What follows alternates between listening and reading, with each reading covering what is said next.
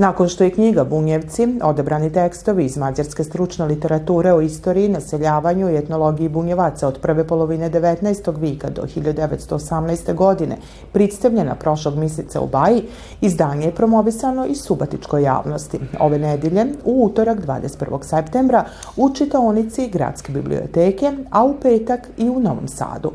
Kako je kazano, dvojezična knjiga koja donosi privode tekstova mađarske autora o bunjevcima izdata je kako bi se izmed ostalog konačno rišilo pitanje statusa bunjevačkih sunarodnika u Mađarskoj, budući da ni posle dva pokušaja Mađarska nije priznala bunjevce ko zasebnu nacionalnu manjinu. Jedan od uslova bilo je i postojanje službenog jezika, na koji je bunjevačka zajednica u Srbiji stekla pravo ove godine, a knjiga predstavlja kamen temeljac na putu priznavanja bunjevaca ko nacionalne manjine i u Republiki Mađarskoj. Kako je prilikom predstavljanja istakla upravnica Ustanove kulture Centar za kulturu Bunjevaca, knjiga Nus privode sadrži i faksimile originala i jednako je značajna i za Bunjevce u Srbiji.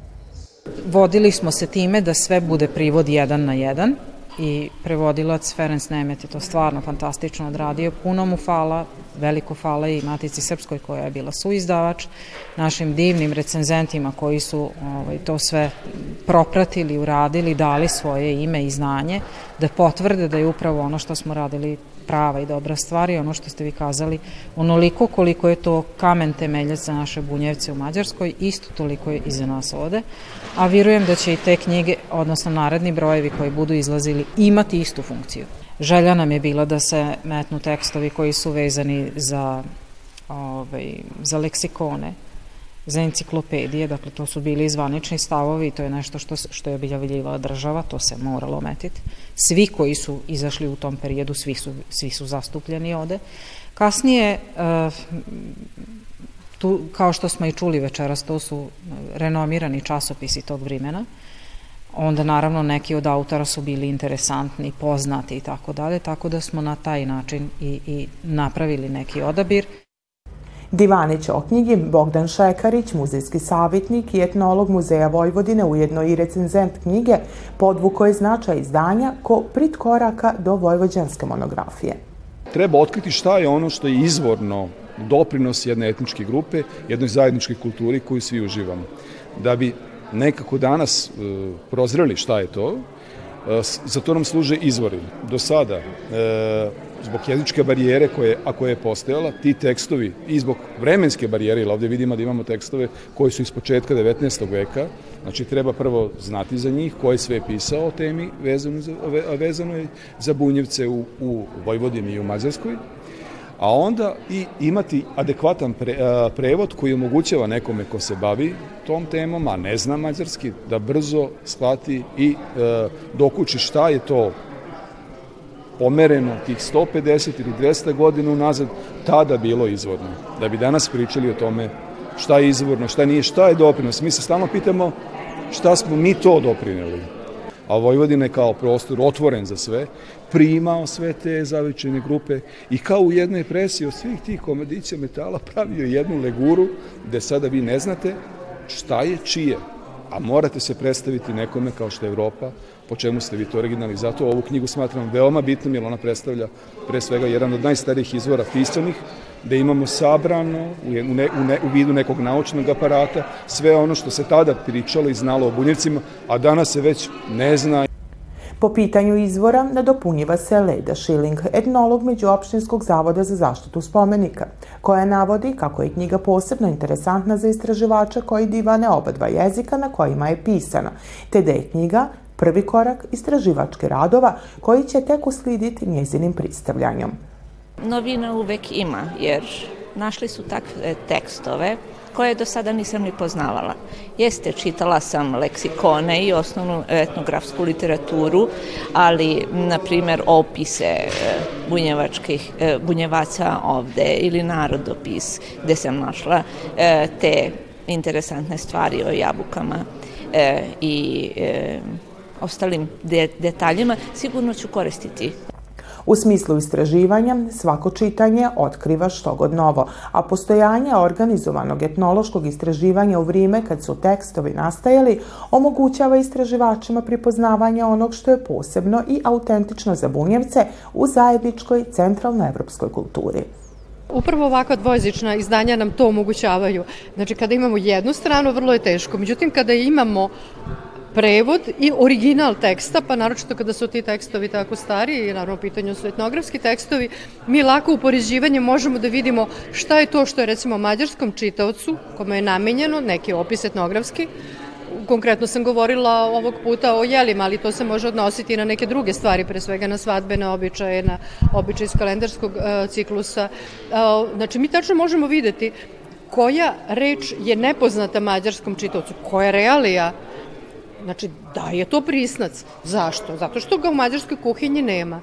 Međutim, nije bilo potrebno, recimo, prevesti uh, fanke, odnosno ovaj, uh, krofna, jer za Boga ista je reč upotrebljena i isto se jelo, jelo i sa jedne i sa druge strane.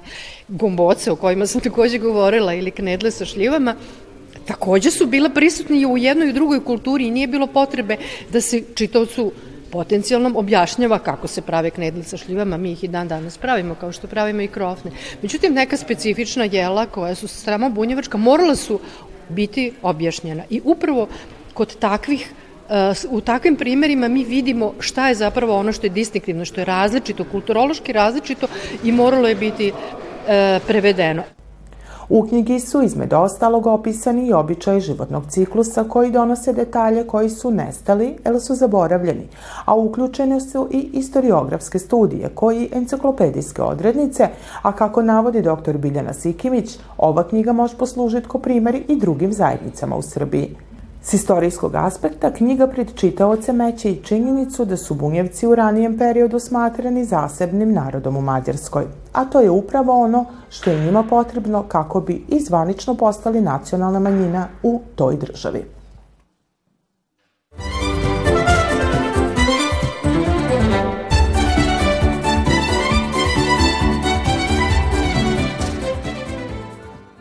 90. godina prošlog vika osnivaju se bunjevačka udruženja, a pojedinci se organizuju u cilju javnog oživljavanja svega onog što im je dotled negirano. Tako nastaje projekat dokumentarnog filma o svatovskim običajima bunjevaca. Gotovo tri decenije kasnije film je doživio i svoju premijeru, a prikazan je 25. septembra. Sniman 95. godine na ideju Mija Mandića, koji potpisiva režiju i scenariju napisan na bazi istorijskih činjenica, film je realizovalo Kulturno-umetničko društvo Aleksandrova i pojedinci okupljeni oko ovog subatičkog društva. Kad su bili ti dani e, ovaj, e, etnološkog filma 94. godine, onda sam ja bio prisutan i onda su bili prikazani e, etnofilmovi. I primetio se da nedostatak kod bunjevaca. Mada je bio prikazan etnofilm iz Gare. E sa šta je kod, baš tu zanimljivo što su iz Gare su snimili o, o, takav običaj koji nije na terenu rađen, jer salaša tamo više nema. Na bazi autentičnih zapisa napravio scenariju takvi, takvi svatovi kakvi su bili prije 150 prilike godina. Zbog toga smo morali tražiti takve salaše koji su što stariji, U filmu koji je sniman na tri lokacije, tačnije tri salaša u okolini Subotice, glavni glumci dolaze iz kulturno-umetničkog društva Aleksandrovo. Otkaleg otkrivaje i razlog za kasnile projekcije. Zapelo je to kod toga što su snimci bili delimično izgubljeni i sve i neki deo nije bio snimljen tada i onda dok smo našli glavnog aktera, znači Baću Zoliku Baku, on pošto je inostranstvu čovek, do, doveli smo ga da snimimo te neke delove koji i konačno eto montaža i to je to. U ulogi mladenaca bili su Igor Krčelić i Vesna Takač, koji su i ovog puta dočekali goste, a i danas se rado sićaju snimajući dana i druženja u pauzama. Anegdota ima puno, ali bilo je jako zanimljivo. To je nama bio jedan doživljaj. Znači, ja sam tamo uživao, meni je to bio provod. Ne smatram da je bio nikakav posao, nego baš provod. I to je bilo za mene samo uživancija i druženje u svakom slučaju. Koliko dugo se snima film? Pa jedno šest meseci, ja mislim, sa probama zajedno kako smo počeli. Prvo su tekle probe, znači učio se tekst, kako šta.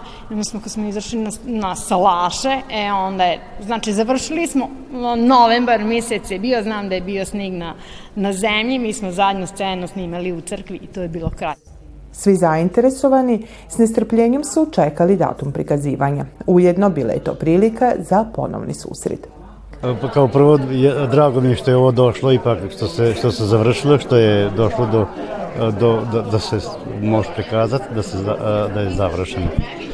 A sama priprema, Mio je dolazio kod nas i kod mene kući i kaže, aj dobro bi bilo da nešto da, sa kulturničkim društvom da to napravimo, da zabeležimo, to sad prolazi vrijeme, šta je znam, da nam ostane. Pa ja kažem, ajde, otićemo u neko kulturničko društvo, govorit ćemo se sa predsjednikom i sa njihovim predsjedništvom, Tako je bilo, još nismo i, i dogovorili smo se. E sad, dogovor je jedno, e sad treba to uspostaviti da, da, da, da, da to zaživi. Trebalo je spremiti, tu je bilo oko 20 fijakerista, vozača, konja, bilo je iz Čantavira, iz Oroma, iz Subotice, iz Bikova. Onda je trebalo naći salaše, e, e, tri salaša je trebalo faktički naći, e, gdje će biti Mladin, Đuvegin, salaš i, i onda smo to išli sa bratom pokojnim Rokom e, na Bikovo kod ti Brejarovi, to je bio jedan zapušten salaš, da je to trebalo, a najviše odgovaro uh, Đuvegi. Mi smo onda bili mladi, pre 25 godina. Prvo smo i to sve uvežbali tamo kod nas u prostorijama. E, smo išli na snimanje na, sala, na salaše tamo i kod Lesekura i kod Roke i šta ja znam. Ali šta nas je držalo? Držalo nas je druženje. To je bila jedna motivacija. I samo, kako da vam kažem, kada me Mio rekao da će to biti snimani bunjevački svatovi pre, sa običajima pre 100 godina, to nam je svima dalo nekog elana i poleta da mi učestvujemo svi u tome i nikome od nas nije bilo teško da dođe na probe i čak što više da ide na snimanje. Nije to snimanje trajalo jedan dan. Zahvaljujući pokojnom Takaču, Čombetu i Miji, oni su to bili glavni, mi smo samo slušali i radili i nešto smo dodali sami što smo znali, onda to je tako i to je išlo, na, svaki se trudio, salaši su morali biti spremani, kod, to nam je tetka na, kod Pinžićevi, tri nedlje smo tamo proveli, oni su to morali spremati, mazati, da, to, da to liči na nešto. Da. I znate kako i dođe, kad dođe ti ljudi sa konjima, ceo dan je proveo tamo s nama, trebalo je to izdržati. Kroz film vidni su elementi običaja bunjevačkih svatova koji su se vremenom izgubili. Između ostalog, rič je i o staćelama, o kojima smo divanili s Katom Kuntić, pricidnicom Kulturno-umetničkog društva Bunjevka, koje je prije nekoliko godina realizovalo projekat predstave na istu temu pod nazivom Bunjevački svatovi. To su uglavnom dva muškarca, najmanje dva muškarca koji su posle vinčanja kad god, kad god se mlada vraćala uh, u svoju kuću, pa onda tek posle dolazi muška, uh, s muške strane kompletno svatavi da izvode. E to vrime između vraćanja nje i dok ne dođu svatovi radnje, da slučajno kogod ne bi ukro mladu, onda su to dvoje muškaraca morali biti sa ženske strane i čuvat mladu. A normalno sa ženske strane su uglavnom domaćini ili već tu kogod koji je bio vičan piću, dobro znalo napit, pa su znale stačale zaspat. Tako da stačale su stvari sad već iščezle i nemaju uopšte više. Film je prikazan u produkciji Ustanove kulture Centar za kulturu Bunjevaca, a kako se čulo i tokom projekcije, bit će to vridno štivo i za učenike koji pohađaju bunjevački jezik. 15 godina koliko sam aktivna ovde u bunjevačkoj zajednici, slušamo o tom filmu, da je snimljen je da Digot postoji i da su njegovi dilovi rasuti. To mi je bilo tako nešto kao urbana legenda i kad je počela korona i kad se nekako sve utišalo, imali smo kada i vremena tragat za svim detaljima, odnosno svim tim snimljenim ovaj, videokasetama koje smo uspili skupiti na jednom isto, a onda i ovaj, završiti još određene dilove filma mislim da je jako lip. I njegova prava vridnost jeste upravo u tom što je on stajao snimljen 25 godina i nije bio dosad prikazan. Jako mi je, lično mi je žao neki ljudi koji više nisu s nama, koji to nisu mogli vidjeti, ali eto tu su njeva dica, tu su njevi rođaci, dakle sve živi i nastavlja, isto ko što su i naši svatovi, dakle od starina čuva se običaj, snimljeno je koliko se moglo u to vrime autentično, ne može se porediti sa onim kako su naši svatovi opisivani u 19. viku ili početkom 20. Ali već ono što se dešavalo tu prije rata, dakle 45. i ti neki godina, u tom smislu jeste izuzetno autentičan, lipo se divani bunjevački, e, lipo je snimljeno, tako da u svakom slučaju mislim da, da je film vridan. Promena običaja i uticaj vrimena vidni su svakom ko film pogleda, a bogatstvo svatovske običaje bunjevaca ogleda se i kroz ovaj dokumentarac koji prid gledaoce u prvi red meće značaj koji je sklapanje braka imao za jednu familiju a onda i poštivanje koraka do samog čina vinčanja, al i posli.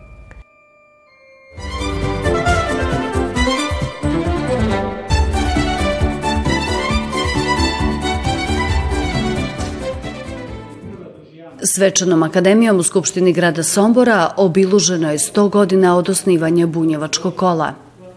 Na godinu osnivanja 1921. u kojoj Kraljevina Srba, Hrvata i Slovenaca postaje stabilna i uređena državna zajednica koja je omogućila dalji kulturni i nacionalni razvoj svi južnoslovenskih naroda i politička atmosfera omogućila ostvarivanje namere somborskih bunjevaca da osnuju udruženje koje će nikovat tradiciju, običaje i kulturu bunjevaca u Somboru, podsjetili su Arsen Mijatović, profesor istorije i pricidnik bunjevačkog kola Dejan Parčetić. Za Sombor je bilo vrlo značajno taj moment zbog toga što Bunjevci nisu imali neki zajednički identitet u tome trenutku. Dakle, te posle rata dešavaju se te promene. Naravno, Bunjevci su bili vrlo značajni faktor i u onome kraju rata kada su kao jedan narod koji je u tom trenutku mogao nešto da pridonese stvaranju te nove zemlje, pa tako da je onda to bunjevačko kolo osnovano baš u tom trenutku koji je bilo bilo značajan za bunjevački nacionalni identitet. Bunjevačko kolo je osnovano davne 1921. godine. Mi soborci kažemo u jednoj ulici koja se nalazi nedaleko odavde, u ulici od žute cigle, u jednom udruženju koje se zvalo Lloyd. Znači, to naše udruženje su osnovali isti oni ljudi, učesnici na Velikoj narodnoj skupštini, znači naše dide i pradidovi, koji su 25. E, novembra 1918. godine prisidinili Vojvodinu u Matici Srbiji. Onda, ako sve to znamo, onda je moja obaveza i tekako velika da čuvam i, i da zapravo sa mojim udruženjem, sa mojim upravnim odborom i dalje negujem i čuvam ovu bunještinu u gradu Somboru. Profesor dr. Saša Marković, dekan Pedagoškog fakulteta u Somboru, divanio je o istorijskom kontekstu realnosti i činjenicama koje su ga obilužile u pokušaju da bunjevci ostvare svoj nacionalni identitet. Kraljevina Srba, Hrvata i Slovenaca, odnosno buduća Jugoslovenska kraljevina je bila država protivurečnosti, brojnih protivurečnosti, koje je teško, teško mogla da reši, a to, to se sve i reflektovalo i na identitet bunjevaca, a onda i na njihovu kulturnu manifestaciju, odnosno njihov oblik kulturne manifestacije. U svakom slučaju o tome treba pričati i, i u ovim prigodnim prilikama, jer je to način da se s poznavanjem teških izazova u prošlosti budući bu, budući koraci dakle obezbede od takvih izazova. Reosnivači bunjevačkog kola i prilike s kraja 20. i s početka 21. vika bili su tema izlaganja Aleksandra Bošnjaka s posebnim naglaskom na rad današnjeg savremenog udruženja. Danas je bunjevačko kolo jedna, da kažem, jedno udruženje građana koje neguje tradiciju našeg malog naroda Bunjevaca, ali nego je tradiciju i kulturu grada Sombora jer je to zaista neraskidivo. Kako mi to danas radimo? Da li radimo dovoljno dobro? Da li može bolje?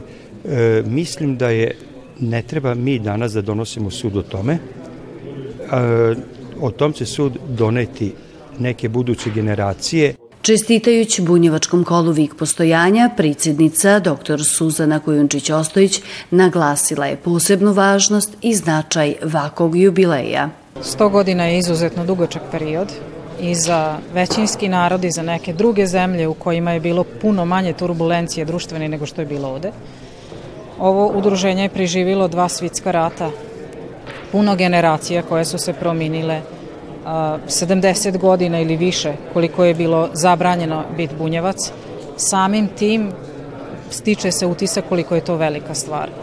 Bilo bi dobro kad bi, bili, kad bi imali više ovakvih udruženja, ali imamo evo ovo u Somboru koje nastavlja svoju tradiciju, koji radi, koje krči svoj put, koje se trudi da opstane u ovim modernim i novim uslovima i ja njim na tom čestitam.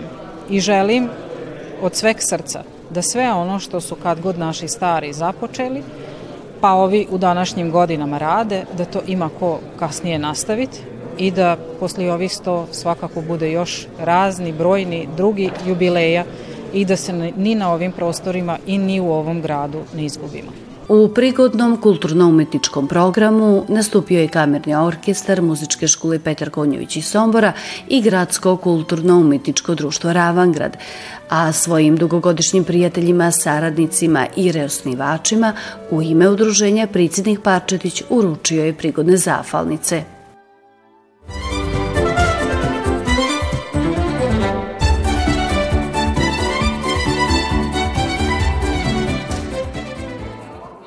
72 pripovitke kroz isto toliko odabrani fotografija i stari porodični albuma Bunjevački familija probudile su brojna sićanja i zasuzila poglede positilaca izložbe posvećene stogodišnjici osnivanja Bunjevačkog kola u Somboru. Život bunjevačke porodice od krštenja novorođenčeta, prvi porodični fotografija, slika s prve pričesti krizmanja, proslava dužionica, bunjevački prela, pa sve do porodični svetkovina. Prvo i prvo moja mama i bača, venčana slika 36. godine, 1936. godine, to mi jako drago, sad ona mene gleda jer jako je davno umrla i to me jako podsjetilo i da ja prikažem njenu svilu, jer ja sam održala tu njenu svilu, venčanicu.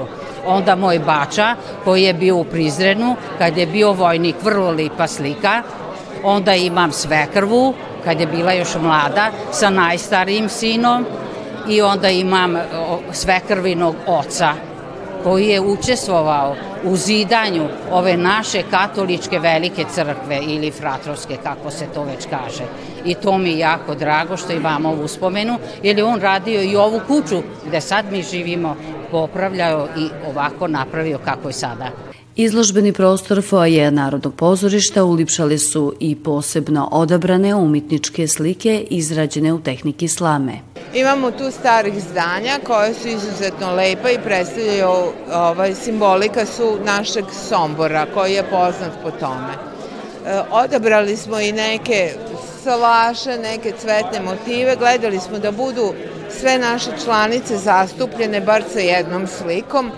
E, I eto, trudili smo se da napravimo izložbu na ovom malom prostoru sa odabranim slikama koje mogu da kažu nešto o našem gradu i o našem slamarenju. To su sve vrhunske slike. Mislim, mi uopšte radimo svaka slika za sebe, kako slamarke rade, ali kako Bog zapoveda, što ja kažem, svaka je odrađena kako treba. Ko poseban dar bunjevačkom kolu za stoti rođendan, porodica Kubatov darivala je udruženju izuzetno vridne, porodične, a istovremeno i istorijske fotografije. Ovde je reč o autentičnoj slici po moje bake, odnosno mamine mame, koja se zvala Barbara Pekanović, koja je bila član bunjevačkog kola od osnivanja 2000, 1921. godine ovde se e, vidi slika koja je bila prva generalna proba za prvo bunjevačko prelo koje se održalo 6. E, februara 1922. godine. Takođe imamo još jednu sliku e, koja se koja predstavlja prvi grožđen bal održan 16. oktobra 1922. godine, kako smo sinoć čuli da je tu stvari bio jedan divojački vašar. Slike su autentične, naravno, nalaze se kod mene u mojoj kolekciji, toliko. Od ovog momenta one se nalaze u kolekciji bunjevačkog kola. Nakon ove izložbe, program svečanosti povodom stogodišnjice od osnivanja Bunjevačkog kola završen je koncertom Bunjevačko kolo s ljubavlju svojoj varoši –